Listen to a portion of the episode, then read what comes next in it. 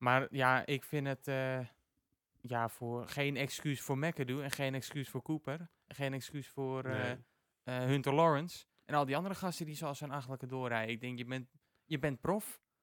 Die gasten die zien veel beter als ik dat doe. En als ik daar gereden had, had ik daar heel anders mee omgegaan. Ja, Ja, jammer dat jij daar niet rijdt dan toch. Hè? ik kan geen woeps rijden.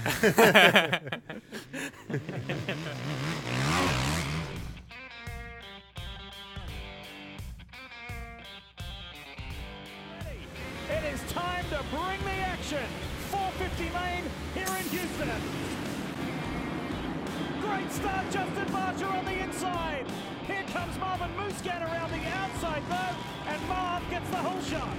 Jeremy McGrath won the season opener three times in a row. Justin Marcher's going to do it in Houston. Three in a row for Marcher for the season opener, and he does it for Gas Gas as well. The 250 main, could we see either Chase Sexton or Adam Cianciarillo win their first 450 main? These guys are on rails right now. So impressed with Chase Sexton, just how smooth he looks. He is in a tough position right here. Adam Cicerillo's been fast all day long. He was fastest in time qualifying practice watch. He's going to quad right here. He gets in there, pushes the front end, buries it underneath the sand. Oh, the lead is down. Chase Sexton is down. He has crashed and crashed hard. He's got to get a little bit closer. Here we go. Two more right-handers. Roxon with a lapper in front of him. Should not be an issue. Kenny Roxon with one more turn, and it's Roxon pulling the three-peat in Indy. Cooper Webb aboard his Red Bull KTM. He's on his way home. Cooper Webb sweeps Orlando. Last week and tonight. And Justin Marsh is going to hang on. So it's a KTM 1-2 with Marvin Muscan there. There's the teammates congratulating each other on a maximum points haul for the team. So Roxon sweeps Indy. Webb sweeps Orlando. And this championship is now tight. Six points back. This guy right here. If you're Ken Roxon, you got to start feeling the pressure now. Continue to do what you've been doing, but this is shaping up to be good, Lee. Ja, daar zijn we weer. Het is inmiddels alweer een maand geleden dat we de laatste aflevering hebben gepubliceerd. Eh, er kwamen wat dingetjes tussendoor. Een avondklok, heel veel winterweer. eh, voor mij ook nog een tentamen. Dus eh, het heeft eventjes geduurd, maar we zijn weer terug met de Crosscast. En dit keer met de tweede aflevering over Supercross. Dat hebben we al een keer eerder gedaan. Toen ging het niet helemaal goed. Dat was inmiddels alweer ook weer een paar weken geleden. Maar ja, dat, nu zitten we er weer. En we zitten nu eigenlijk in een soort rustweek tussen Orlando en Daytona. Over een week is eh, Daytona en eigenlijk is het ook halverwege het seizoen. Dus helemaal goed om eh, wat dingetjes te bespreken. Ik zit weer met Nick Kamper en Marco Kamper. Goedenavond jongens. Goedenavond. Goedenavond. Zeg eh Nick, om eventjes te beginnen. Wat was jouw hoogtepunt tot nu toe dit seizoen? Ik ga er even over nadenken. Misschien weet Marco het wel. Ja, wat mij betreft het eh 450 kampioenschap.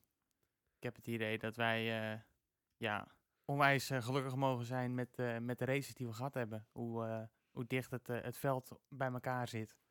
En ja, toch wel de, de Cooper Webb Ken Roxon strijd die zich toch een beetje begint te broeien. Je hebt echt een soort hero-villain eh, eh, verhouding daar. Hè? Wie is jouw hero Ja. en wie is jouw villain in dit Ja, verhaal? ik denk dat voor, voor een hoop mensen dat, dat, dat ze wel een voorkeur hebben. Ik denk dat ze qua, qua houding en... maar ook manier van rijden en zo, dat ze, dat ze best heel verschillend zijn. Ja. Kijk, Cooper Webb, dat is echt een eh, onwijze strijder. Die pakt alles wat hij pakken kan. Is niet altijd even netjes wat dat betreft. En eh, ook in zijn in zijn rijstijl vind ik dat wel naar voren komen. Terwijl een Ken Roxon natuurlijk iets sierlijker is. Mhm. Waarvan andere mensen weer zeggen van ja, het lijkt alsof hij zijn best niet doet. En dat hij af en toe ook een beetje zeurderig overkomt. Mijn voorkeur gaat toch uit naar, eh, naar ja, Ken Roxon. Hij komt voor mij meer over als een, als een mens. Ja, er zit heel veel in. Hè. Het wordt, eh, zoals jij het Ja. uitlegt, is het een beetje een, een good versus evil verhaal. Maar het is ook Amerika tegen Europa een beetje. Ook, Het is Honda tegen KTM. ja, en wie je villain is, zeg maar, dat mag je gewoon helemaal zelf Ja, uitkiezen. dat, want dat ze is hebben per persoon beide, afhankelijk. Ja. beide punten waar je, waar je geen fan van kan zijn. En beide punten waar je onwijs ja, een groot fan kan zijn. Ja. Wil je Ken Roxen dan nog een Duitser noemen? Want eh, ik weet niet hoor, er staat een Amerikaanse server voor mijn gevoel eh, op het podium in plaats van een Duitser. Ja, dat klopt. Hij is wel heel erg eh, Amerikaans geworden. Hè? Eh, Maar wie is jouw eh, villain? Wie is jouw hero in dat verhaal? Mm, Nou, kijk eens, ik heb van de voortijden gezegd dat Ken Roxen hem zou winnen. Dus ja, daar hou ik me aan. Ja. En ja, ik, ik ben geen fan van Cooper Webb, laat ik het daar maar zeggen, ophouden. Dat is denk ik, dat is denk ik heel duidelijk. Ehm, ja, jongens, ik heb eh, om mee af te trappen wat stellingen verzameld. Ehm, ja, sommige komen jullie al bekend voor, want zoals gezegd, die hadden jullie een paar weken terug ook. Maar we gaan het er gewoon nog een keertje. dat weet gelukkig verder niemand. Maar we gaan het er toch weer over hebben. Mijn eerste stelling is: de airshocks eh, zijn het nieuwe geheime wapen uit Oostenrijk. Ja, zal ik daarmee beginnen? Dat is goed. Nou, wij hebben natuurlijk al eh, wat dingetjes erover opgezocht, over de airshocks. En ik weet het niet zo goed, eerlijk gezegd. Ik, eh, ik denk dat het eh, best wel voordelig kan zijn. En misschien ook wel voor, eh, voor de, de, de supercross. Maar de, de, de achterveer zoals wij die nu hebben met de spiraal en ondersteuning door olie en lucht. Dat is natuurlijk niet zo'n heel gek systeem. Dus ja, hoe goed is die luchtschokker nu? Dat, dat is lastig om te zeggen. Ja. Zeker nadat eh Cooper Webb er vanaf gestapt is. Ja, maar dat zeiden we voor de uit, eh, uitzending al. Hij heeft zijn- zijn zijn slechtste en zijn beste eh, uitslagen gereden op, op die normale veer. Ja, het is toch wel bijzonder. Hè? Het is misschien goed ook om nog even voor de luisteraar uit te leggen. Normaal rij je eigenlijk met een soort ja, spiraalveer achter. Eh, en Ja. bij eh, KTM hebben ze eigenlijk een oude vondst. Hè? Want ze reden daar, of ja, er wordt eigenlijk sinds de jaren zeventig al met die luchtdempers gereden door verschillende fabrikanten. Maar KTM heeft hem nu eigenlijk weer ja, opnieuw uitgevonden. Het is wel interessant trouwens. eh, Brian Bogus heeft daar een hele grote rol in gespeeld. Daar heb ik eh, Brian over gesproken. Het is wel grappig om te horen. Ehm, ja, want vro- voorheen was het probleem dat, eh, dat hij niet zo betrouwbaar was, geloof ik. Hè? Ja, en wat een, een überhaupt een groot probleem is, want die, die schokkers die worden ook bij het mountainbiken gebruikt. En helemaal omdat dat, dat is ook het voordeel van die luchtschokker, hij is lichter. Mhm. Dat is het hele idee ervan. En, eh, maar het nadeel is dat die, die, die schokker, zeg maar die lucht erin, die kan eh, opwarmen. En dan kan die schokker iets, iets harder worden. Nou zit dat met de demping van de, de conventionele eh, schokkers ook zo. Mhm. Want daar zit ook een, een gedeelte olie en een gedeelte lucht in. Nou geloof ik dat ze dus daar iets op gevonden hebben door het met, ja, met een sensor en computer gestuurd, dat ze dat kunnen verhelpen. De druk kunnen aanpassen in die schokker. En Dat- dat zou dus betekenen dat die vlakker kan blijven. Dat schijnt inderdaad een magic eh, weapon te zijn. Van, eh, van, dat dat eh, sch- probleem schijnen ze opgelost te hebben. Dat is wel heel interessant. en, Ja. en daarom denk ik juist dat het inderdaad het geheime wapen is van eh, KTM. Want die luchtschokkers gaan ervoor zorgen voor een continuïteit die we niet eerder gezien hebben. Ook omdat de spiraalveer eh, ook eh, veranderlijk is tijdens de race. Mhm. Denk ik dat dit eh, of het moet op de, eh, ook op de spiraalveer gaan komen. Maar zoals Marco net al zei, met het gewicht eh, voordeel kan je daar wat meer eh, mee doen. Ja, dat blijft in ieder geval interessant. Wij eh, hebben heel veel tijd eh, gestoken in het eh, op fotootjes kijken. Wie rijdt er wel, wie rijdt er niet mee. Het meeste was inderdaad gewoon kijken. Ja. Zie ik iets? Nee, misschien is het dan luchtweer. Ja, precies. En, eh, en nou ja, we gaan dat nog steeds in de gaten blijven houden. Het wordt ook interessant om te kijken eh, welke rijders in de MXGP dat gaan gebruiken. Ik, na, nadat ik met Brian gesproken heb, dan heb ik wel zo'n vermoeden dat hij daar het liefste bijvoorbeeld wel gebruik van maakt. En inderdaad, een groot voordeel is eh, gewicht. Een ander groot voordeel is de consistentie. Hè. Dat is ook wat Barsha, die, die, dat was eigenlijk de grote coming-out van de luchtveer. Die won in de eerste race in eh, Houston. En toen, eh, ja, toen werd het opeens publiek dat ze met luchtveer reden. Nou ja, het is in ieder geval interessant om eh, in de gaten te blijven houden. En ja, eigenlijk een goed bruggetje naar de volgende stelling. Barsha is veel beter op de gasgas dan hij was op de Yamaha. Ja, daar heb ik eigenlijk een simpel antwoord op. Als je gaat kijken naar punten, niet. Want hij stond er vorig jaar stond hij er ja, op soort gelijk, ook op een vierde plaats. Volgens mij had hij zelfs nog een paar punten meer. Eh, had hij ook eh, zijn problemen. Nu had hij dus het probleem met, eh met Vince Friesi, waar hij mee samenkwam.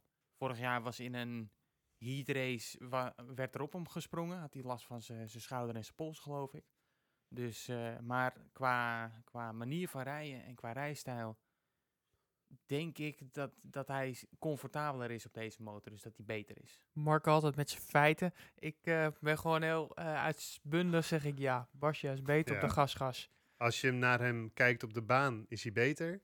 Als je naar hem kijkt qua punten, ja, is het om het even, Eh, geloof ik, hè? Nou, laat ik het zo zeggen. eh, het, ondanks dat ik altijd zeg, eh, geluk maak je. eh, hij heeft wel behoorlijk wat pech gehad. Waaronder dat zijn eh, shifter natuurlijk gebroken is in het begin van Ja. het seizoen. Eh Freezy die, eh, laat ik het zo zeggen... eh, Gaan we het zo meteen nog over ja, laat ik er daar maar niet Ja. te veel over zeggen nu nog. Maar ik, ik denk dat Barcia op de gas gas. En ik denk niet specifiek dat het hierbij het om de motor gaat. Maar ik denk zelf dat het team hem beter bevalt. Ja, wat eigenlijk wat je in de eerste, in onze preview podcast ook al zei, hè, dat, dat het team, zeg maar, bij Troy Lee Designs een stuk beter zal zijn. En waarschijnlijk het team van Star Yamaha nu ook wel, want Mhm. eh, die doen het ook wel redelijk, hè? Als ik kijk naar Malcolm Stewart, en, eh Plessinger en Dylan Verandes. Alle drie staan ze in de top 10. Ja, Mhm. maar vooral bij Plessinger is het natuurlijk heel duidelijk. Want die Ja. heeft natuurlijk op die, die andere Yamaha gereden. Van vorig jaar in ieder geval van, van het fabrieksteam. Die, ja, die lijkt herboren, naar mijn Ja. idee. Ja, het is nog niet, eh, hij, gaat, hij, hij wint nog geen races, maar het is bij, eh, af en toe deed hij daarvoor natuurlijk ook zien. niet. Nee. Maar hij zit nu toch wel altijd tussen die en rondom die top 10.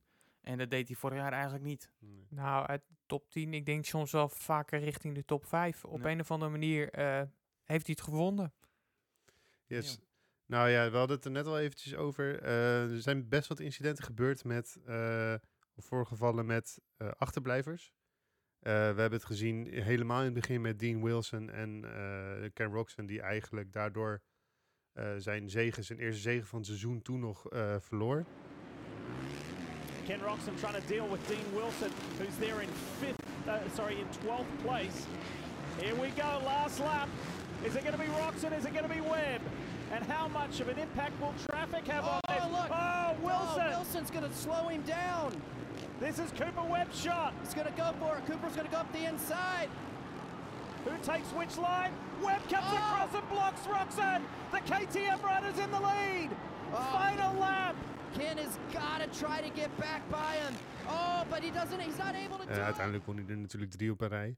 Maar ja, dat gebeurde er. We hebben eh, ook trouwens wat onsportief rijgedrag met Moseman en Lawrence gezien. En we hebben natuurlijk het incident gehad met, eh, ja, ja, wat je net noemde, met Barsha en Freezy. Close. Oh, and an Eli Tomac is down, and Barsha collected. This is right before the big triple, and Justin Barsha is down and down hard. Oh no. see what happens here at the top of your screen.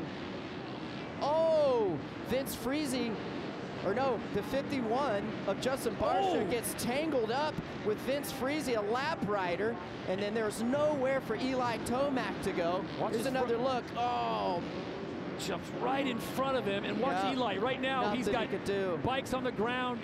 That is such a helpless feeling. It's like, oh no, there's nowhere I can go. Eh, de stelling is eigenlijk, er mogen best wat vaker straffen worden uitgedeeld voor onsportief rijgedrag. Ehm nou, dat, ik ben het er wel mee eens met die opmerking. Maar ik, qua onsportief rijgedrag, op het moment heb ik daar weinig van gezien. Ik vond alleen de, het probleem dat de achterblijvers... Het was een groot probleem met achterblijvers. Ja, en ja, volgens mij, Marco, heb jij daar wel een goede verklaring voor, hoe dat nou precies zit met die achterblijvers. Het lijkt meer dan... Nou ja, wat ik nog normaal. wilde, wilde zeggen ten aanzien van de... de kijk, wat, wat mensen vaak niet weten, het, het grote verschil tussen een, een, een supercross en een motocross is, en je, je ziet het op tv niet altijd, is maar hoe, hoe wijs smal die baantjes eigenlijk zijn. En daarbij komt dus het probleem, is dat, dat ja, soms als iemand goed verdedigend rijdt, is inhalen bijna onmogelijk, Mhm. tenzij je ja, die persoon een zetje moet gaan geven of iets. Soms komt het ook, is het baanontwerp zo dat dat benodigd is. Kijk maar, Maar- naar Orlando 2. Ja, maar dan met achterblijvers, zeg maar, is dus ook het probleem, is dat je komt er niet zomaar langs. Dus die achterblijvers, die moeten jou gewoon er langs laten. Dat is eigenlijk... En ik denk dat, doordat dat snelheidsverschil gewoon ja, heel klein is, tussen de eerste 20, maar de, de banen heel kort zijn, gaan ze toch sneller mensen lappen. Maar het verschil is niet groot genoeg, dus het is ook voor de lappers niet duidelijk van, oh, nu komt er echt een sneller aan. Maar zijn die banen dan korter dan voorgaande jaren? Want het, lijkt wel een beetje op te vallen dit jaar. het- Tijdsduur wel, nou ja, de laatste paar in, in Orlando geloof ik, zaten we eindelijk weer eens eh, een beetje rond die 50 seconden. Ja, Terwijl voorheen, zeg maar, dat we nog in het tijdperk van de, de, de 20 rondes in plaats van de 20 minuten. Toen werd er altijd geoogd om zoveel mogelijk rond die 1 minuten ja, rondetijd te hebben. ja. Dat lukt ook vaak niet, maar ja, we hebben nu natuurlijk een hele, hele hoop banen gewoon gehad dat, dat het 45 seconden, 43 seconden was. Als je naar de feiten daarin kijkt, zie je dat de eh, rondetijden eh, ten opzichte van vorig jaar aanzienlijk korter zijn dan eh, het jaar daarvoor. Vorig jaar zag je bijvoorbeeld dat er echt eh rondetijden boven de 50 seconden zaten, met een uitzondering er net onder. Mhm. En ja, we hebben nu zijn we eindelijk blij dat we in ehm, Orlando eh, rondetijden van eh 48 tot 50 seconden zien. Ja. Ja, ik, ik ben van mening dat we moeten kijken of we die banen op een of andere manier ja, langzamer maken of eh, langer. Want ik denk dat dit eh, juist, we gaan nu ook mensen lappen die niet gewend zijn om gelapt te worden, waaronder Dean Wilson. Ja. ja, die reed ook al wel een beetje geblesseerd rond natuurlijk. Maar ja. Nou, de, de, Nou, laat niet in, niet, eh, in eh, Houston 2 was het, hè? Oh ja. Oh, toen hij, ja, Ja. sorry, toen hij, eh, toen hij Roxen ophield, toen was dat natuurlijk nog niet Ja, het hij, geval, ja. eh, welke positie reed hij? Een veertiende plaats uit mijn hoofd? elfde. Elfde, kun je nagaan. Ja, nee, dan verwacht je ook niet dat je, dat je dan eh Nee, volgens mij om je broek heb ik ook races gezien waar, eh, waar tot en met de top 8 zo gelapt werd. Ja, Klopt, dat, ja. Nou, bij de 2,5 zie je het dat er ook gewoon een heel groot verschil is tussen de langzame en de snelle rijders. Eh. In de wo- Ja, East de- is dat. East zijn we East gestart. Coast, ja. eh, zie je dat we echt ook door die verschillende rondetijden ook uitslagen echt beïnvloed hebben Ja. zien worden. is het misschien ook gewoon, eh, want ze hebben volgens mij het format een beetje aangepast van rondes naar minuten. Zijn die races daar ook langer door geworden, met meer rondes? Eh, ja, nou, sowieso wel. Eh, kijk, de, de, de races die hebben nu eigenlijk ja, min of meer een, een, een vast tijdsduur. Ja. Ehm, en dat hebben ze gedaan, want eh, bepaalde... Ja, moet ik even terugdenken, welk jaar was dat? Nou ja, dat was ergens, denk ik rond 2014 zijn ze gewisseld. Want in, ik denk dat dat 2014 was uit mijn Mhm. hoofd. Eh, toen waren, hadden ze heel veel van die walljumps eh bij de baan aangebracht. En de rijders waren er niet fan van, de fans waren er geen fan van. Maar dat was om die, die, die tijd, die rondetijd zeg maar, te drukken. Oh ja, ja. En, en een wall jump, als je daar tegenaan eh, rijdt, is het ook echt een wall. Ja, of Ja, tegenaan valt, het dan haalt breek je gewoon natuurlijk helemaal de snelheid eruit, zeg maar. Ja, en kijk, eh, ik, ze hebben nu helemaal doen ze het niet. Eh, en op een of andere manier... Niet waar. We hebben nog een wall gehad eh, dit jaar. Zou ik even moeten kijken welke baan dat is. Maar we hebben een, we hebben een wall Oké, gehad dit nou, dat, dat, dat geloof ik Maar in ieder geval een stuk minder. Ja. Ja. Is er nog een andere manier om eh, met die achterblijvers af te rekenen? Ik had eh, een collega van mij die had het erover van... Nou, waarom ga je niet gewoon... eh, zodra er iemand gelapt wordt bij de eerstvolgende doorkomst op de finish... dan haal je ze gewoon uit de wedstrijd. Dan heb je er ook geen last meer van. Nou, dat, dat heb ik wel vaker gehoord. Dat is het eh veldrijden idee. Dat Ja. je het eh, eraf gaat halen. Maar ja, ik vind... Ik ben toch ook wel van mening dat je ook moet leren omgaan met achterblijvers. Maar het is Ja, best ik wel... denk dat je de fans niet kan aandoen dat je maar met acht rijders eh, overblijft bij bepaalde races. Ik denk dat wij, wij komen daar, we betalen voor, voor een eh, livestream om te kijken. Of je Ja. gaat naar het stadion en dan wil je gewoon alle 22 rijders zien. Ja, stel dat je fan bent van eh, Dean Wilson of eh, wie dan ook gelapt wordt. Ja, Ja. dan- De laatste East werd tot de top 5 gelapt. ja. Dus dat betekent dat je met vijf rijders op de baan bent. Nou, dat, dat is misschien een beetje... eh, Dat is niet echt oké. hè? nee. En misschien moeten die mensen die even met achterblijvers achter of eh, met achterblijvers om moeten leren gaan, die moeten misschien maar een keertje naar eh, Red Bull Knockout sturen of zo, of een dan eh, leren ze dat wel, denk Wat ik. ik wel zelf zat te denken is wat je natuurlijk een hele simpele oplossing zou zijn, is iemand die een blauwe vlag opsteekt die wijst naar de persoon die er langs voor. eh, Oh ja, dat kan. En het kan ook zo zijn. want is het niet duidelijk dan nu? Op, op het moment zwaaien ze alleen een blauwe vlag. Ja, En bij de MXGP is in ieder geval, dat zie ik, dat ze daar naar degene eh, wijzen waar ze voor vlaggen. hm. Maar Dean Wilson, als mooi voorbeeld, die was ook mensen aan het lappen. die was ook in het verkeer bezig. Dus het, het was een lastige situatie. Maar heeft zijn trainingsmaat wel geholpen erbij. Ja. Ja. ja, want die trainen allebei, hè? eh, eh, Dean Wilson en, eh, en Cooper Webb, die trainen allebei bij Elden Baker, hè? Of Juist. tenminste Ja, bij allebei, ja. Webb op de KTM en Dean Wilson op de witte KTM. Nee. en, en Barsja op de eh, rode KTM. Oh, wacht, dat die, die traint niet bij Elden. maar, maar hoe zit het nou met, eh, want wat vinden we dan van wat er afgelopen, we hadden het net ook over 250 East, wat er de afgelopen race in, eh, in Orlando gebeurde, waar er dan een medic aangereden wordt. Ik, ik vind het toch Dat was altijd... de West trouwens, maar maakt Oh, niet uit. Ja. ja, sorry, ja, was West. Ja, ja. ja, het is maar- raar. Iedere Ja. keer die eh, coast die Ja. wisselen. Maar Ja, sorry, maar als Orlando eh, West Coast is, dan wordt het ook een beetje een raar verhaal voor mij. Maar, ehm, want da- daar reed McAdoo, die reed tegen een medic aan. There was a multi-rider incident. Oh, no! Oh no! Oh no! So you had the crash on the opening lap, then that incident there right before the whoops. And one of the Alpine Stars medical staff was hit by a rider. Nou vind ik over het algemeen, ik heb volgens mij bij een van de eerste races ook een vlag erover zien steken. Echt 10 meter voor, eh, voor de neus van Justin Barsha, zeg maar.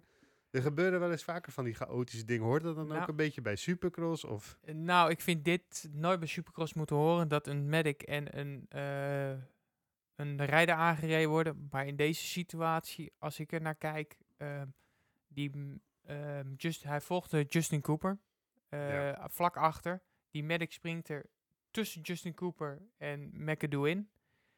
Eh, ze hadden de binnenkant geblokkeerd met een, eh een tufblok. ja, dat is wel goed om te zeggen. hè, Want normaal gesproken zou je als, je, als je dat niet ziet, dan denk je van, nou ja, waarom rijden ze allemaal aan de buitenkant omheen, terwijl ze daar aan het werk zijn. Dat, ja. dat, in het begin was ik er van mening dat uh, McAdoo is eh, volledig de fout. Maar als ik er nu naar kijk, eh, hij volgt, die medic springt op de baan. En het erg is, eh, de rode vlag was gezwaaid. Dus die medic had gehoord dat de rode vlag er was. Ja. Maar ja, die was alleen eh, na de top 12 pas gezwaaid. Ja, maar ik ga je toch even eh, invallen, boys, want ik ben het hier eh, gewoon niet mee eens. Eh, de tufblok die lag eh, op de boeps. Dus volgens mij kon je in de bocht nog binnenlangs. ja. Als ik dat gezien had, zeker aangezien er een merksvlek eh gezwaaid wordt, dan mag je, mag je niet ingehaald worden. Nou, dan wil ik best wel daar de tijd pakken om even dat binnenbochtje te pakken. In het ergste geval verlies ik een eh, honderdste, tweehonderdste van een seconde op, eh, op de leider. Hij verliest wel iets meer hoor, als je binnen doorgaat. Maar ik snap nou, wat je misschien, bedoelt. misschien had je Justin Cooper nog ingehaald, dat je je moeten eh, knijpen. Dat, dat denk ik. Maar Maar het kan ook zijn dat er, ge- ge- er wordt ook vaak gewijst hè, van, van waar je naartoe, of je naar de buitenkant of de ja, maar dan alsnog, ik vond dat, eh, dat en kijk, dat McAdoo, zeg maar, over de mechanic heen rijdt. Ja, dat was toevallig was dat McAdoo. Dat ben ik wel met jullie eens, want ze zaten met z'n vieren op elkaar, geloof ik. Ehm, iedereen ging buitenom tot de laatste iets van top 9. Ja, Ja. maar het was heel simpel. Is, ik denk, waarom maak je daar zo verschrikkelijk druk? Tuurlijk snap ik dat voor hun, zeg maar, technisch gezien gaat die race nog steeds door. Maar Justin Cooper hoeft zich niet te haasten, want ze mogen hem niet inhalen. Ja. Wilt hij daar dan tijd winnen of zo? Wat is dan zijn Nou ja, idee? Weet je, achteraf is mooi wonen, maar ik denk dan altijd van, als iemand daar midden op de baan ligt, moet je niet gewoon rood zwaaien. Ja, nee, maar Nou, dat hebben ze dus gedaan. ja, maar niet. daarna. Te Nou, laat. maar Ja. het probleem hierbij is dus, is dat niet iedere vlag die heeft een rode vlag. Hè? Er is alleen de Oh ja. wedstrijdleider, die heeft een rode vlag. Ja, en iemand halverwege heeft een rode vlag. Ja, nou, dat zou kunnen. Maar in ieder geval, dat was dus zeg maar het, het eh, eh, probleem hier. Maar ja, ik vind het eh, ja, voor, geen excuus voor McAdoo en geen excuus voor Cooper. En geen excuus voor eh, Nee. eh, Hunter Lawrence. En al die andere gasten die zoals een achtelijke doorrijden. Ik denk, je bent, je bent prof. Die gasten die zien veel beter als ik dat doe. En als ik daar gereden had, had ik daar heel anders mee omgegaan. Ja, Ja, jammer dat jij daar niet rijdt dan toch. Hè? ik kan geen boeps rijden. ja, ja, toch? Zeker die whoops niet. Eh, ja, eh, tuf hè. Nou ja, goed. We moeten, ik denk dat we niet uh, Tippy Luttig moeten zijn, want eh, het is eh, supercross. eh, het is geen Formule 1 gelukkig. Hè, dus eh, Ja. moet ze, denk, Ja, ik denk dat we niet te veel met straffen en met dat soort dingen moeten gaan. Je bedoelt dat ben 60 ik niet rondjes naar eh, een, eh, een achtbaan kijken met de oud, hetzelfde oudje ja, vooraan. maar ook gewoon, ja, maar ook gewoon eh, qua regels en, Nou, en maar dat soort motocross dingen. is een contactsport, hè. Dat is Formule 1 natuurlijk Nou, en niet. zeker supercross. En dat is Ja. natuurlijk ook nog wel, wel daar nog even een tandje erger. Omdat, eh, ja, dan kan het ook omdat je... Ik denk de snelheden, zeker in bochten, iets lager. Want het zijn allemaal Klopt. 180 graden bochten. Klopt. Dus eh, En nee, het is ook de enige manier bijna om in te halen. Ja. Dus je, nee, dat is zeker waar. Dat is zeker zo waar. dan niet raken, dan moet je mensen parkeren, zeg maar, in bochten. Ah, om misschien dat je dan nog juist al... Waar geniet je dan meer van? Van een blokpass? Of als het dan echt zonder fysieke... Zo, eh, eh, Ja, soms is inmenging. het mooi. is en- het en een Kenny die, of een eh, Cooper Web in andere ja, woorden? ja, Ja, maar Kenny zet ze ook wel eens weg, maar die is, die is inderdaad niet van het aanraken. En ik, naar mijn idee hou ik wel meer van gewoon een, eh, ja, een echt hele ja, schone blokpas, zeg maar. Hmm. Waarbij gewoon niemand geraakt wordt.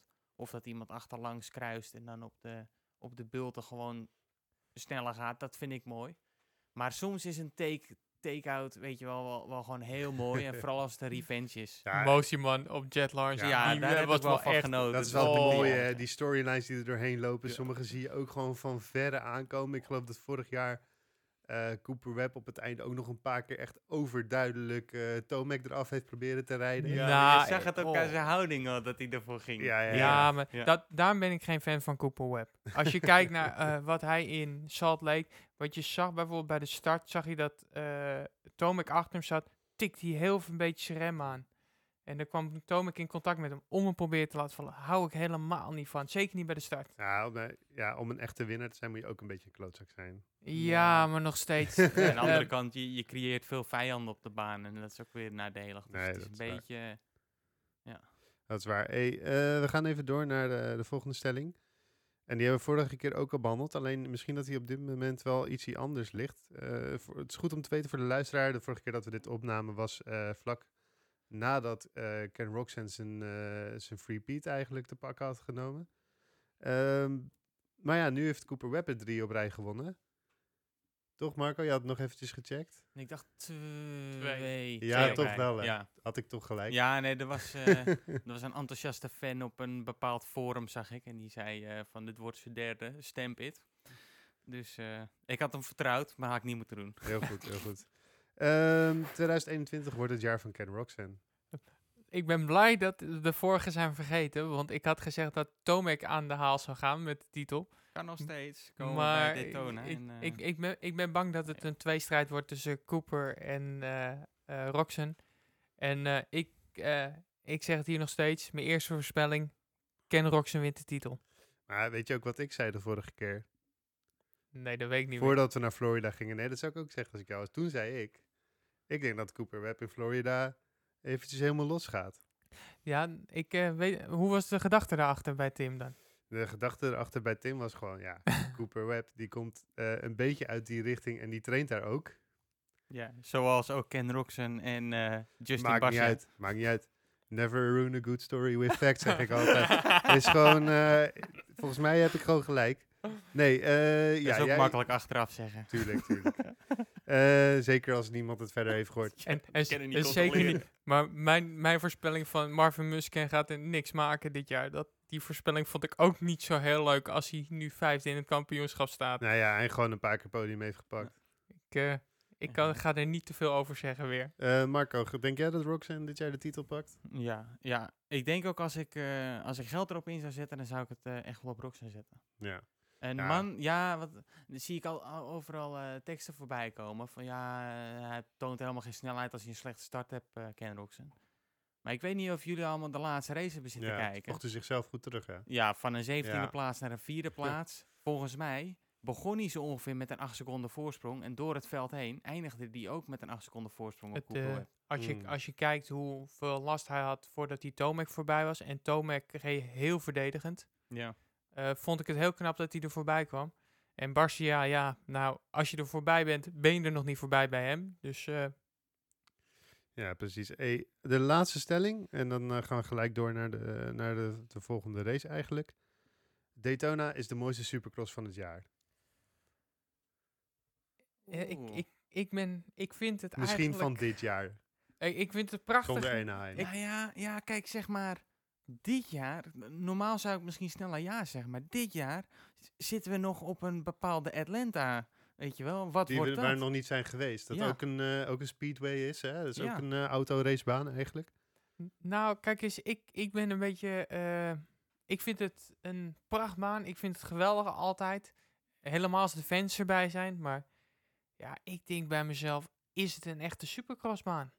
Ja, wat ik jammer vind aan Daytona ten opzichte van vroeger, is dat eh, in het tijdperk van de rondes, kijk, Daytona heeft vaak rondetijden van boven de, de, de minuut.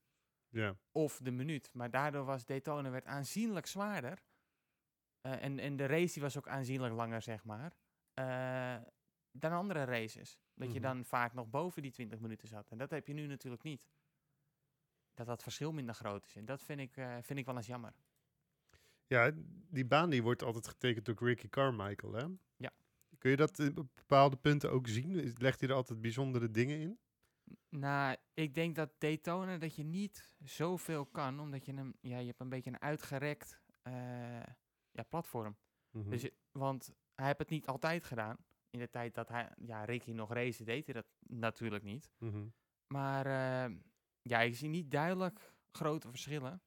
Ik denk wel dat, eh, dat ze dat laatste paar jaar niet per se saai zijn geweest. Helemaal aangezien dat ja, je niet zoveel kan.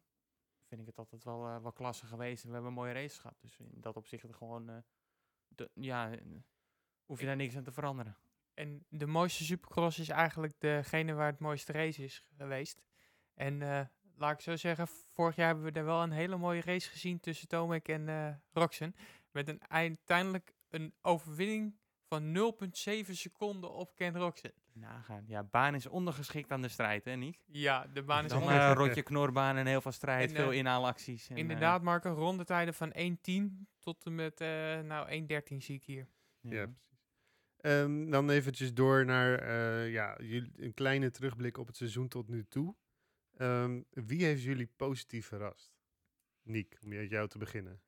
Nou, ik ben toch wel, eh, dat zei ik vorige eh, re- eh, podcast die niet doorgegaan is ook. Ehm, ik ben behoorlijk verrast eh, over eh, Dylan Verandes.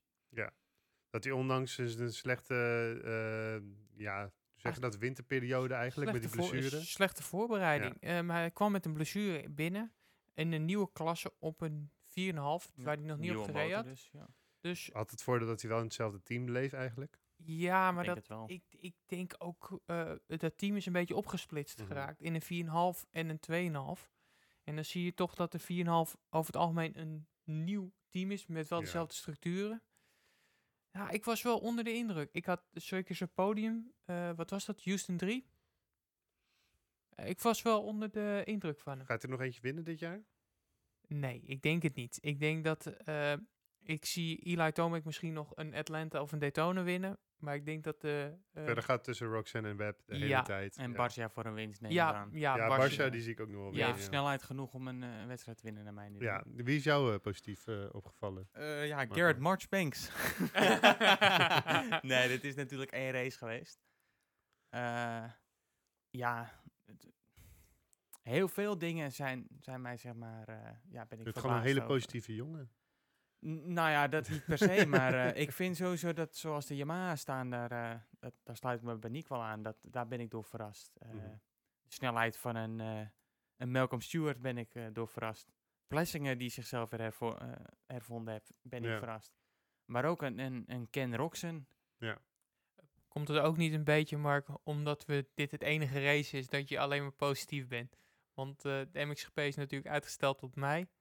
Ja, ja nou, wie weet. Eh. Misschien heb ik gewoon te weinig cross gezien. Maar wie viel er jou tegen dit jaar? Oeh, ja dat, ja, dat is lastig te zeggen. Zal ik er eens eentje noemen?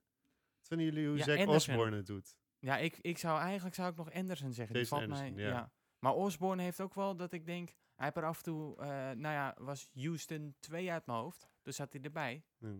Ja, hij heeft er eentje tussen. Maar echt, ik, het is één keer dat, dat hij opgevallen is. Ik heb af en toe wel eens van... Rijden die Huskies nog in Amerika? Of, eh, ik- Ja, af en toe heb ik het idee dat ze gewoon helemaal niet in het spel voorkomen. vooral omdat ze vorig outdoorseizoen zo van voren zaten. Mhm. Dat, ze- dat ze waren niet te, eh, te missen, die witte Ja. dingen. Ja. ja. ja, precies. Ja, nu zijn het de rode dingen van eh, KTM die eh, vooraan meedoen. Ja, ja, ja, Ja, ook niet. Ja, de laatste races is Barsje natuurlijk ook... eh, af, en toe, af en toe dan valt het er toch weer tussen. Podium. Ja, de, laat, de allerlaatste, maar ik vind de afgelopen paar races niet meer die Barcia die we in de eerste paar races hebben gezien waarvan ik dacht van ja, dit ziet er wel heel indrukwekkend uit. Nou, hij heeft niet start gehad. Je ziet Ja. nu dat de start zo belangrijk is. Dat is sowieso belangrijk. Ja. Ja. Eh, En valt Jet Lawrence ook, is die ook een beetje tegengevallen? Of, of mocht je daar niet te veel van verwachten? Hij is nog echt heel jong, hè? Misschien dat we dat eh, vergeten. hij is 17. En ik ben blij dat hij niet voor het kampioenschap meedoet. Want dat betekent dat hij volgend jaar mag verdedigen. En Ja. dan moet hij naar de 4,5. Nou, ik vond het al erg dat Prado naar de 4,5 over moest stappen. Maar als Mhm. ik, dat, als ik hem op de 4,5 zie op 19, word ik niet blij. Hoeft niet, hij had ook gewoon 2,5 in Amerika kunnen gaan rijden, Prado. ja, Prado, ja. Ja, Ja. maar je snapt wat ik bedoel. Ja, ja, nee, Jet ja. heeft daar geen optie in. hoor. ja. Jet gaat weer terug naar Europa. nou, Hunter toch? Dacht jij? Ja. Ik, ik hoop het. Ik Misschien. hoop het. Nog verder nog, eh, nog verrassingen of tegenvallers? ja, dan moet ik toch wel even Nou, denken hoor. Want Mijn, mijn zo- tegenvaller blijft toch de achterblijvers. Hoeveel invloed die hebben op de resultaten. Mm. De eerste paar races, afgelopen twee races met meer dan 50 seconden rondetijden, zie je dat het eh, eigenlijk niet zoveel invloed heeft. Maar ja, laat ik zo zeggen, in de East kampioenschap dat Jet met eh mooie strijd was met, eh, hoe heet het nou, onze Justin Cooper? Nee, niet eh, met Nichols. Ja. Eh, dat die wordt eh, geblokt door een achterblijver. Een achterblijver die voor Mosiman valt Ja, die de uitslag een- beïnvloedt. Dat vond ik wel eh, tegenvallend. Ik heb wel, ja, dat was inderdaad jammer voor, voor. Maar ik heb wel een, eh, ja, een, een echte eh, serieuze tegenval ten aanzien van de 250 East. En dat is eh, de, de grote aantal blessures eigenlijk, waardoor rijders wegvallen. Ja. En dat je ook kan zien dat ze de, de, de heat races niet meer vol krijgen. Het begon eigenlijk bij Faulkner, hè? Ja, het begon bij Faulkner en heel snel al, eh hoe heet het, RJ Hampshire. Ja. En eh, het is eigenlijk als een soort van, ja, een v- Moseman kreeg je, en, eh En Voland, ja, ook Ja. nog. waardoor je ook krijgt dat, nou ja, je hebt die eerste zijn eigenlijk die talenten, heel veel van die talenten waar je echt naar uitkijkt. Ja. Op zo'n waarvoor je eigenlijk die Smaakmakers, 250 nog ja. gaat kijken. Want wat ik bedoel met die Yamaha eh, dominantie had ik af en toe wel zoiets van ik sla hem even over dit keer. Want eh, Nou ja, ze maken het gelukkig nog onwijs spannend, die, eh die met z'n Nichols tweeën en, eh, nog, ja. ja.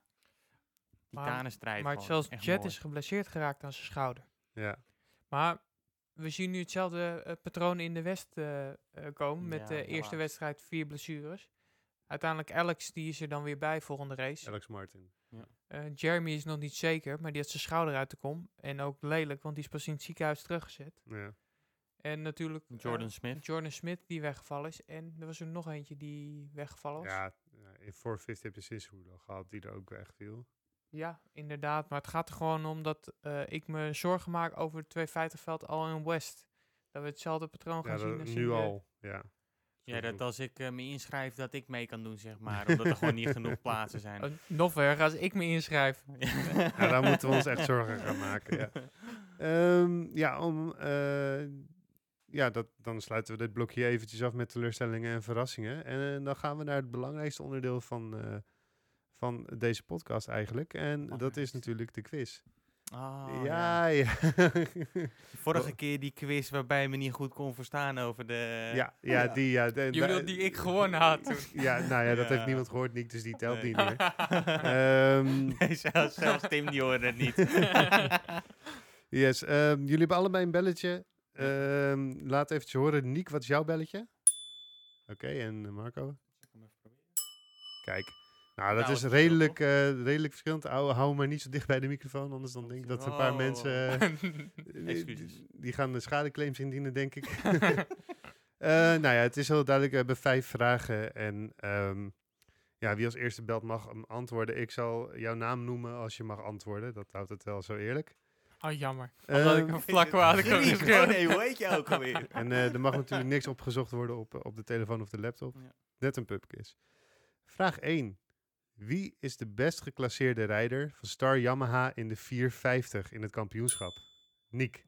Malcolm Stewart. Ja, dat is helemaal goed. Malcolm Stewart staat zesde. Erwin Plessinger staat negende. Ik heb nog even één vraag, Dylan. Veranden staat tiende. Ja, Marco. Is, want anders gaan we heel snel bellen en ga je gewoon gokken. Zijn er ook nog eh, punten aftrek als je het verkeerd Ja, hebt? als jij, eh, nee, als jij het verkeerd zegt, dan gaat het punt naar de andere. Oh. En, Ja. en Mar- Marco, laat even duidelijk zijn. Deze, ik zat net eh, te kijken naar de Star Yamaha's, omdat ik een compliment over gaf. Dus Ja, ja. Oeh, dat wil zeggen cheat on. nee, want Ja. hij staat hier uit. Hij staat hier op een andere uitslag. Heel goed. Ik vond Zet dit een... eh, oh ja, we gaan eh, door naar... eh, ja, Max Ency die maakte natuurlijk zijn... eh, ja, rentree moet je eigenlijk zeggen in Amerika. In, eh, in Orlando 2. Op welke plek eindigde Max Ency in zijn eerste main van dit jaar? Oké, nou, Wie het dichtst erbij zit trouwens in dit geval. Doen we Oh. maar even. vijftiende. Oké. Marco? Zeg gewoon 16. Ja, Marco zit dichterbij. Hij werd achttiende.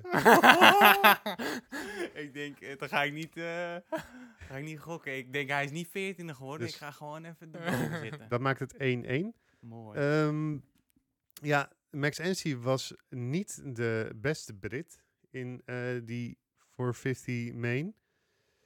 Dat was namelijk Dean Wilson. oh, ik denk, ja, eh, ja, jammer. Marco, ik zag je al met je. Ik denk, dat weet Nee, nee. Hoeveelste werd hij? Oh, Wederom wie het dichtst bij zit. oké. 11. Twaalf. Ja, Nick heeft het goed. het, was, eh, het was twaalfde. Oh, jongen. Half puntje voor Ko. Ja, bijna. nee, fuck, had je ook gespeeld. Ehm, ja, we gaan nu natuurlijk naar Daytona. Ehm, een speedway. En later rijden we ook in Atlanta, we hadden het er net over, is ook een speedway. Maar mijn vraag is, in 2013 reed de MXGP ook op een speedway in Europa. Welke was dat, Marco? Eh Charlottesville uit mijn hoofd. Dat is niet in Europa.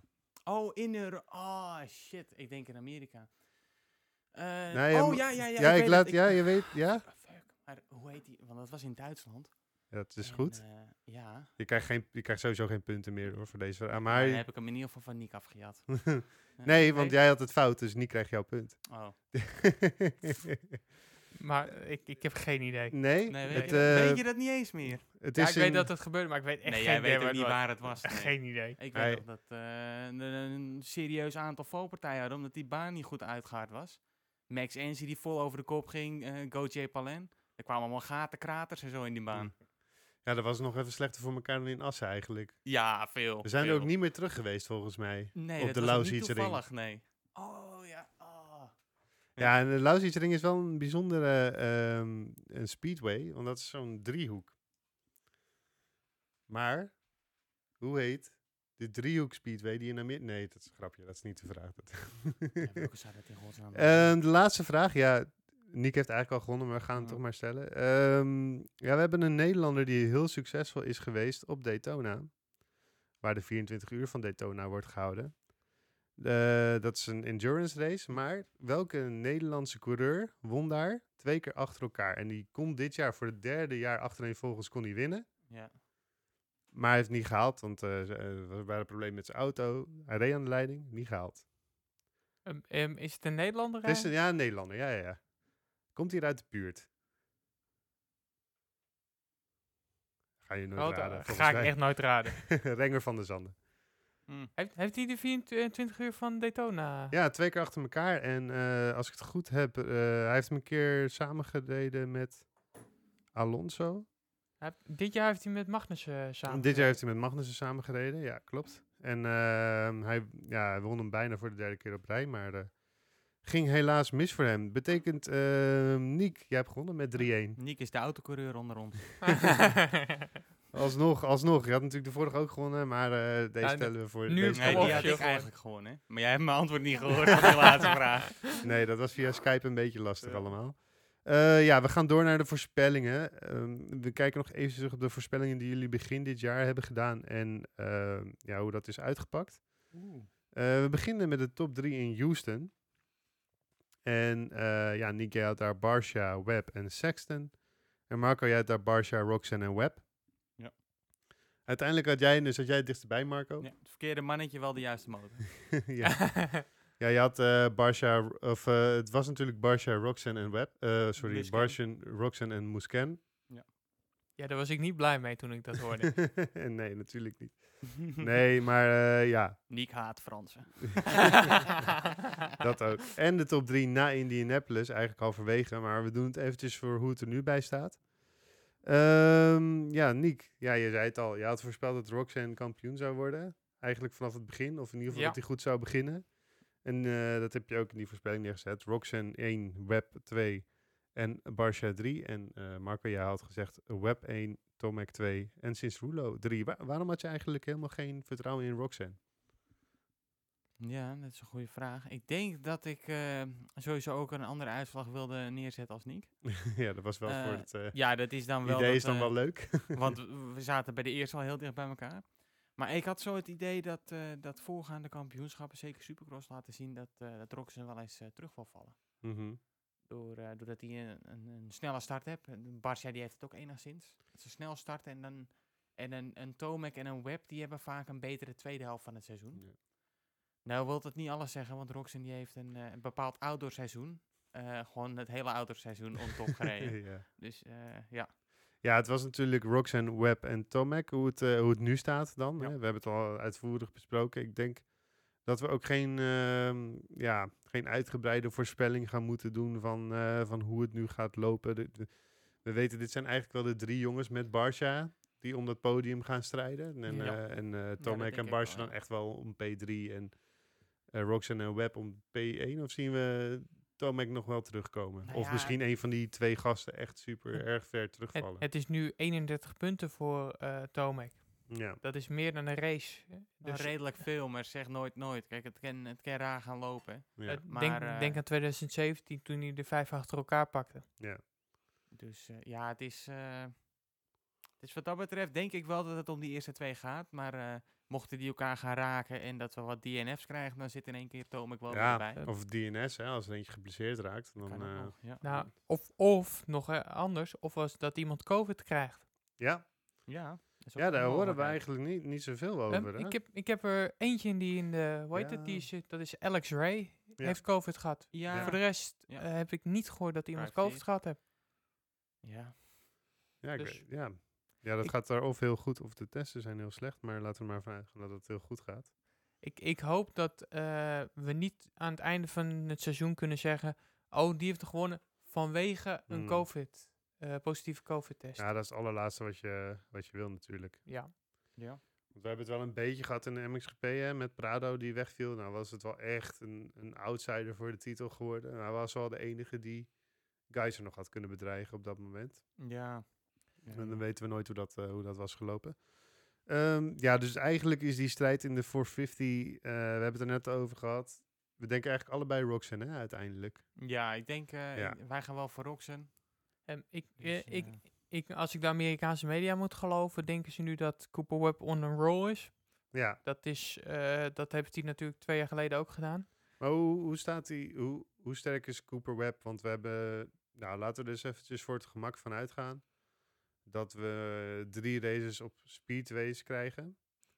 Die redelijk vergelijkbaar zijn met elkaar. Hij is natuurlijk niet, niet zo heel sterk in Daytona, eh, traditioneel of Dat, wel. dat, dat, dat ja, zeggen ze wel. Heel verschillend. ja. Maar Hij heeft dat, dat seizoen dat hij dus kampioen werd, eh Supercross kampioen, toen won hij daar wel gewoon. 19, ja. Ja, 2019. Dus, eh, en hij heeft het, ja, hij heeft het ook outdoors wel goed gedaan. Mhm. Ehm, maar ook heel wisselend. En eh, ik denk traditioneel gezien dat je hem een me- iets meer een supercross eh, rijder kan noemen. ja. Maar eh, ja, meestal doen, doen een Roxen en een Tomac het wel goed eh, op een Ehm, eh, eh, Daytona. correctie Marco, 2019 won hij ook niet Daytona. ook niet. Ah, Nee. kijk. Maar ehm, hij is in 2019 werd hij tweede en in 2020 werd hij derde. Ja, Dus Veel ehm, punten verliest hij er ook niet. Nee, Nee. nee, nee. Maar hij staat er zes achter. Hij kan niet zoveel verliezen. Nee. Nee, klopt. Maar als ik kijk wel eh, naar de rondetijden bijvoorbeeld, eh, dat jaar werd, had Tomek een 1.9,5 qua snelste rondetijd. En Webster tijd was 1.10.7. Dat was Ja, dat is wel 2009 flink bedoel je niet? Dat is 2019, ja. Ja. Of 19 bedoel ik. Dus ja. ehm, laat ik het zo zeggen. ehm, of Tomek is gewoon zo goed op Daytona, Ja. wat ik wel denk. dat klopt. Ehm, maar ja, dat, eh, of de web is slecht eh, en de rest is ook slecht. Maar ja, ik, ik ben er van eerlijk van mening. Ik denk dat Cooper Webb niet zoveel zal verliezen de komende periode. Mm. Heeft uh, Tomek überhaupt Daytona wel eens verloren tot... eh, vorig jaar had hij er toch ook gewonnen? Vorig jaar heeft hij hem gewonnen met 0,7 seconden, wat we Ja, net zeiden. Volgens mij heeft hij echt wel een streak van, eh, van zes eh, overwinningen of zo. Hij heeft al heel vaak Daytona gewonnen. Dus dus die gaat hem gewoon winnen dan. nou ja, als, als je ergens je geld op moet zetten, ondanks eh, ja, zijn vorm, precies. Daytona, staat hij er. 2018 heeft hij niet gewonnen. Ah, kijk, maar Want toen werd hij 2017 wel. gewonnen door Justin Brayton. Oh, Was het dan een... eh, ja, dat was zo'n... zo'n eh, hoe heet zo'n eh, drie-race? Superpole? Nee, nee, Triple Crown. Triple Crown. Hè, hè. Ja. Maar dan gaan we het wel over... eh, nee, dit was gewoon een Ja, race. die, hebben, die hebben we dit jaar dit was gewoon ook, 18 rondes, eh 1-13. Maar Tomek werd wel tweede in die race. Is dat zo? Ik En Cooper Webb, voor jou, jullie weten, op de Yamaha werd drie. hè. Hmm. Oh, Dus- toen nog op de Yamaha natuurlijk. Dus ja. in andere woorden, ehm Cooper Webb is ook gewoon goed op Daytona. Kun je ook gewoon blind invullen op drie als ik het zo hoor, volgens mij. Want eh Ja, dat lijkt het wel. op. nee, tweede werd hij in 2019, hè, zei je. Eh, ja, maar Ja. ja, dat was toen was Ken Roxon eh geblesseerd Ja, uitgevallen. oh ja. Die Oh, had, eh, ja. Gordelroos. Ja. Oké. Shingles. Singles. Hey, eh, ja, we hebben het eigenlijk nog helemaal niet in, in de podcast gehad over de Ah. 250 West. Eh, want dat hebben we vo- vorige keer was 250, of eh, voor de preview was 250 East. En 250 West is nu begonnen. Ja. Wat zijn de eh, rijders waar, ja, waar jullie het meest vertrouwen in hebben? Of het eh, meest van verwachten in die Laat ik zo zeggen, na de eerste race, eh West gaat saai worden. Ja, wordt gewoon eh, ook daar. Nou, Justin Cooper eh, en Jeremy Martin waren de topfavorieten. Ja. Met McAdoo als outsider, in mijn mening. En eh, eventueel had Nichols nog wat... eh, nee, niet Nichols. eh, En De rijdt de andere kant natuurlijk. Oh, jij bedoelt eh, eh, eh, hm. Smith. Smith als a- eh, de twee kamersman, dus als outsider. Ja, ik ben heel eerlijk. Ik denk dat Justin Cooper ermee wegrijdt. Ja, Was jij niet een beetje fan van Hunter Lawrence? Voor een Ik mogelijkheid ben of iets, natuurlijk voor een winst, maar ik denk niet dat hij, eh, zeker na die eerste race, eh startte hij op vijf, ging hij maar langzaam naar voren. Ja, het, het heeft niet eh, de, de bliksemsnelheid die we van zijn broertje wel eh, wat meer zien, hè, af en toe. Nee, maar kijk, we moeten ook niet vergeten, Hunter Lawrence is gewoon echt een goede rijder. Ja, hij komt terug ja, van een blessure, hè. Ja, het is een goede rijder, maar je moet ook niet vergeten, eh, kijk, zijn broertje is fenomenaal. Dat is echt 17 al Een zo goed zijn. supertalent, ja. En eigenlijk is het flauw voor Hunter, maar dit is gewoon ook gewoon een hele goede rijder. ja, maar ik vind Hunter denk ik ook iets meer een autorijder. ik, ik denk dat hij qua- allebei Qua goed kan. stijl. Ik denk dat eh, voor Supercross dat hij te vaak hebt dat als hij valt dat hij ook geblesseerd is. Ik, ik denk dat, het, dat hij het allebei gewoon goed kan. Alleen, ik denk dat zijn broertje gewoon eh, zo fenomenaal is dat je dat best wel eh, niet, Ja. niet bij hem ziet. Maar, Mark, is jou opgevallen dat Carson Mumford niet gekwalificeerd is in de West? Eh, De- ja, dat, dat had ik wel gezien inderdaad. Vorig jaar natuurlijk voor Geico rijdend. En eh, top 10 rijden in de outdoor. Ja. En dan eh, nu niet weet te kwalificeren. Mhm. Dus dan zie je wel dat begin van het jaar het veld heel diep is. Ja, gelukkig zijn er nu eh, voor hem dan vier geblesseerd, dus... eh, ja, je weet niet of, of hij misschien met een kleine blessure rijdt. nee, dat kan ook eh, natuurlijk, dat kan ook natuurlijk. Goed, ja, we gaan het allemaal zien. Ehm, om eventjes af te sluiten, jongens. wat willen jullie nog heel graag zien de, de komende races? Spektakel, vuurwerk. Nee. ik, ik hoop dat Tomek bij, het strijd, bij de strijd komt. Ja, dat hij toch een beetje weet aansluiten bij de top drie. Gewoon, gewoon om het spannend te maken. Een, Ja. een, een three-way horse tussen bij een voorbeeldje van natuurlijk eh, Carmichael, eh, Stewart en Reed. Ja, Maakt het gewoon zoveel leuker dan een two-man's race. Zullen we misschien nog een privateer eh, zien die een wedstrijd wint? Daar hou ik wel van. Dat wil ik zien. Ja. ja? Zie, Ja. Zie, zie, zie je daar Gewoon mogelijkheden voor? Want er zijn wel echt zoveel fabrieksrijders op dit moment. Ik, ja, maar ja, kijk, ik bedoel, Suzuki-rijders van Heb, dat ken je natuurlijk niet Misschien, echt. eh. eh, misschien nog Max NC dan toch een eh, top 10 of een top... Wat, wat, wat ja. zou nou echt... wa- wa- Waar staan jullie op de bank van te springen als Max NC? Eh, waar moet hij nee, eindigen? podium. Als je podium uit, dan, dan kom ik hier en dan at ik een biertje. Echt. Ik hoop echt zo dat hij is. ik denk dat dat maximaal haal- haalbaar is. Ik denk als je helemaal in podiumpositie is, dat hij te, te enthousiast wordt. Ja, hoe goed zijn die, eh zijn die Hebs? eh? want jij ziet natuurlijk, hij heeft, hij heeft niet Ja, echt die- teamgenoten die, die echt veel hebben laten zien. eh. nee, Nou- maar dat is hij zelf natuurlijk ook niet helemaal. En we weten niet Nee. echt goed wat, wat Hans die, eh die En- supercross kan. Maar wat je wel kan zien is dat in ieder geval qua, qua vermogen... Kijk, ze komen goed van hun plaats, want Ja. ze zitten allemaal zitten Ja. met de start goed erbij. Ja, dat zagen En we vorig jaar eigenlijk ook al met die Suzuki's hè, in, de, in de outdoors. Ja, maar ja, wat dat dan zegt, hoe is zo'n motorfiets rijdbaar, dat weet je natuurlijk niet. Ik vind het sowieso ook als je. ehm, Weet je, ik, ik, ik zit ook af en toe naar die fantasy eh, leaks te kijken. En dan, eh, dan, dan kies je, zoek je een privateer uit die, waarvan jij denkt van, nou ja, die zou, best wel, hè, die zou zich best wel kunnen kwalificeren. Want dat Ja. levert dan de meeste punten op. Dus een voorbeeld is die eh Schlosser, heet die? Ja. Die rijdt v- 450. Maar die is gewoon altijd bij de start, als hij, want die rijdt eigenlijk altijd eh, in die, in, maakt niet uit of hij heats of de LCQ. Hij start altijd bij de top 5 of zo. En dan zie je hem heel langzaam zie je hem terugzakken, terugzakken, terugzakken. En dan maakt het niet uit of hij in de heats rijdt of, of in, de, in de LCQ. Ehm, ook bij die beste gasten start hij gewoon gelijk vooraan. en hij gewoon Een terugzakken. beetje een eh, slechtere Michael Lessie dus. Ja, zou kunnen Nou, zeggen. Het klinkt heel stom. Als je naar de starts kijkt over het algemeen, hoe belangrijk is de start geworden? Ik denk als je puur... nu- Ik heb de cijfers nu niet voor me, maar dat zal ik, ik heb Ja. proberen de volgende podcast te hebben. Hoe vaak een holshot tot een winst leidt. Ik denk dat dat eh, best wel heel vaak is. Ja, maar ik denk, ja, dat kan. Maar ik denk dat uiteindelijk wat, wat je toch wel ziet, en dat zie je nog het beste aan, of misschien dat dat alleen maar voor die gasten geldt die buiten de top 10 rijden. Dan is een constant tempo, een constant hoog tempo wel erg belangrijk hoor. Want dat zie je dus aan dat soort gasten die gewoon.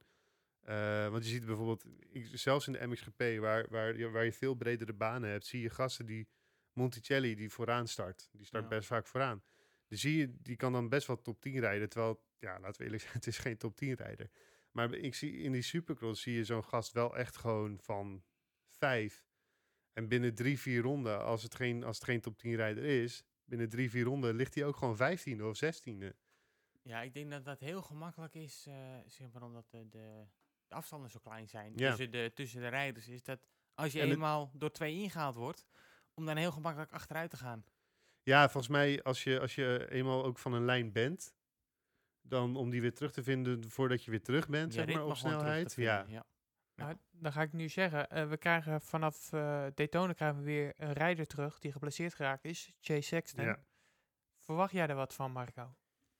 Nou ja, ik denk dat hij, eh, kijk, hij heeft al laten zien voor zijn blessure dat hij wel eh goede snelheid heeft. Dus ik denk dat je hem sowieso in de top 10, top 5 al kan Gewoon verwachten. letterlijk En- voor zijn blessure, want Ja, voor mij reed hij vooraan en toen viel hij eh, en toen Met- was het klaar. Met een rondetijd van een seconde bijna sneller Ja. dan de rest. Maar ehm, zie jij hem eh, tussen de eh, vier die een wedstrijd kunnen winnen van Ken Roxon, Cooper Webb, Eli Tomac en Justin Barcia? niet iedere race, maar eh, er komt een race en heeft hij een goede start en heeft hij zijn dag en dan, dan kan hij hem zo mooi Jullie noemen Cincerulo nu o- hier ook niet tussen die gasten die een race kunnen winnen. Ja, kijk, hij kan het nu niet meer omdat hij geblesseerd is. Maar ik denk dat hij een beetje in, hetzelfde, in dezelfde categorie valt. Weet je, heel snel op de eerste rondes. Ja. En die moeten nog net die laatste stap maken om, om die race, ja, hoe zeg je dat, eh, thuis te brengen eigenlijk. En af te maken. Dat, dat zit er dan nog net niet in. Voor zijn blessure, sleutelbeenbreuk, had hij ook al iets van een blessuretje wat gemeld is. Ja, nee, hij heeft, in het, eh, hij heeft heel laat pas toegegeven dat hij eh, geopereerd is in de off-season aan zijn eh, knie, volgens mij. Ja, Dat was vanwege een- die, die zenuw, maar volgens mij was er zelfs nog een blessuretje Oké. tijdens het race gebeurd. Dus vandaar dat, ehm, Ja, Hij hij, toen met zijn pols had hij problemen, ook tijdens de outdoor vorig jaar. Ja. En dat probleem zat hem uiteindelijk in zijn elleboog. Ja. Dus, eh, dus iets in zijn elleboog zorgde voor problemen in zijn pols. En daar is hij aan ge- geopereerd. En daardoor is in ieder geval dat, zeg maar, dat hij het gevoel kwijtraakt in, Mhm. in zijn handen en in zijn pols en zo. Dat is verholpen, maar hij heeft wel een, eh, ja, een, een, een slapper handje in ieder geval nu nog. Dus dat, eh, Ja, en nu, eh, en nu al helemaal. ja. Ja. nou goed, Cicerulo is weg. we krijgen Sexton er terug. We gaan zien wat het brengt. Eh, in ieder geval heel erg bedankt jongens voor vanavond dat jullie eh, weer de tijd vonden om eh, met mij hierover te praten. Ja, leuk toch? En Ja, eh, leuk. We zien jullie, ik denk dat we na eh, de drie races in Arlington, dus eh, eerst eh, eentje in Daytona en dan eh, dag drie in Arlington en dat we dan weer, eh, dat we dan weer samenkomen. Daarna is nog eh, twee keer Atlanta en volgens mij drie keer Salt Lake City. Dus eh het lijkt me een mooi moment. Lijkt me ook best te doen. Tenzij het heel hevig gaat sneeuwen en gaat vriezen en zo. Maar dat verwacht ik op de een of andere Nee, la- manier niet. laten we ervan uitgaan dat eh, dat, dat niet meer gebeurt. Goed. Eh, mocht je deze podcast nou leuk gevonden hebben, ehm, volg ons dan op social media. Kan op Instagram, kan op Twitter, kan op Facebook. Eh, ja, en vergeet je natuurlijk niet te abonneren op jouw favoriete podcast-app. Ehm, ja, mocht je nog geïnteresseerd zijn in eh, het verhaal over de airshocks, waar ik het eerder in deze podcast over had, in de show notes staat een link naar een verhaal dat ik maakte voor motorsport.com. Ja, die kun je daar vinden. Dankjewel voor het luisteren en tot de volgende keer.